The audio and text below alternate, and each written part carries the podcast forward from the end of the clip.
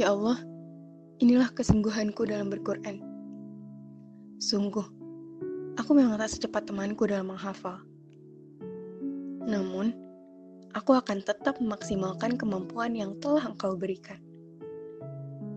Ya Allah, inilah kesungguhanku dalam berquran. Sungguh, aku memang belum memiliki banyak hafalan.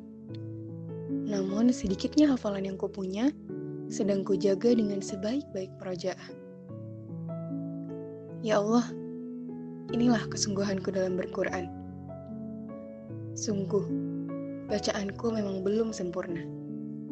Namun, bekal tubuh yang sehat dan cukupnya materi yang engkau beri menjadi bekal terbaikku untuk selalu bersemangat memperbaiki bacaan Quranku. Pernah berada di posisi tersebut, Seekers? Sepertinya pernah. Minlight pun pernah. Namun, pernah nggak sih kita tuh mencoba menuliskan progres yang kita capai? Hmm, ya mencoba untuk mengevaluasi diri. Tentu sangatlah menyakitkan saat kita mengukur kesuksesan diri dengan takaran orang lain. Seperti hubungan kita dengan Al-Quran.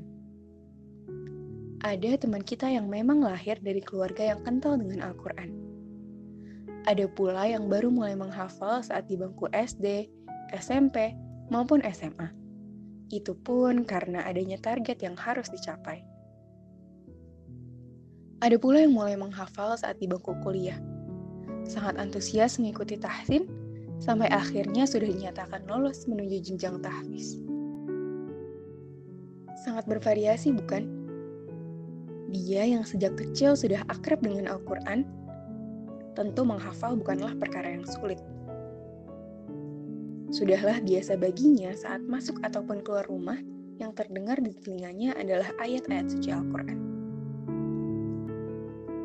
Dia yang sejak sekolah SD, SMP, ataupun SMA baru menghafal dan karena target, tentu rasanya berbeda. Dan dia yang mengenal dan mulai membina hubungan baik dengan Al-Quran karena rasa rindunya akan rahmat Allah, tentu rasanya pun akan berbeda beda permulaan, beda proses, pastinya akan menghasilkan rasa yang berbeda pula. Kamu tak pantas menyalahkan takdir saat tak terlahirkan dari keluarga Al-Quran. Toh, hidayah untuk berquran jika kamu sambut dengan bahagia, maka itu lebih baik. Jika kamu belum memiliki banyak hafalan, coba sejenak kembali mengingat masa awalmu mulai hubungan dengan Al-Quran. Apakah sudah selama mereka yang telah banyak hafalannya? Jika kamu belum baik bacaan Al-Qur'annya, coba sejenak pula merenung sudah semaksimal apa usaha yang dilakukan. Tidak bisa disamakan, dan tidak akan pernah bisa. Tak perlu sibuk memikirkan kapan selesai menghafal, kapan bacaan Al-Qur'anku baik, kapan aku bisa seintens mereka saat berquran. Jangan, jangan pernah pikirkan itu. Pikirkan saja visi dan misi hidup bersama Al-Quran. Membuat kalian desain kehidupan.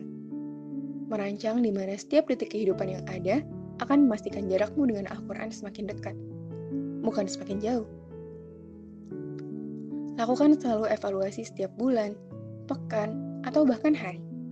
Misalnya setiap sebelum tidur. Tak lupa, hidupkan sepertiga malam dengan hafalan Al-Quran. Dialah yang telah menurunkan keterangan ke dalam hati orang-orang mukmin untuk menambah keimanan atas keimanan mereka. Dan milik Allah lah bala tentara langit dan bumi. Dan Allah maha mengetahui dan maha bijaksana. Sesederhana itu, namun efek yang terasa nanti akan begitu luar biasa. Di mana nanti saat hari-harimu senantiasa penuh dengan keberkahan Al-Quran. Dari mulai bangun sampai dengan tidur lagi. Keberkahan itu sifatnya ziyadatul khair, bertambahnya kebaikan. Bertambahnya kebaikan ya, bukan hafalan. Maka, jika banyaknya hafalan tak mampu menambah keimanan, maka sangat perlu untuk melakukan evaluasi terhadap hafalan Al-Quran yang menghuni dada. Allahumma ftah alayya hikmatak, wansyur alayya rahmatak, wa dhakkirni ma nasitu ya dal jalali wal ikram. Ya Tuhanku, bukakanlah hikmahmu padaku. Bentangkanlah rahmatmu kepada kami, dan ingatkanlah aku terhadap apa yang aku lupa. Wahai zat yang memiliki keagungan dan kemuliaan.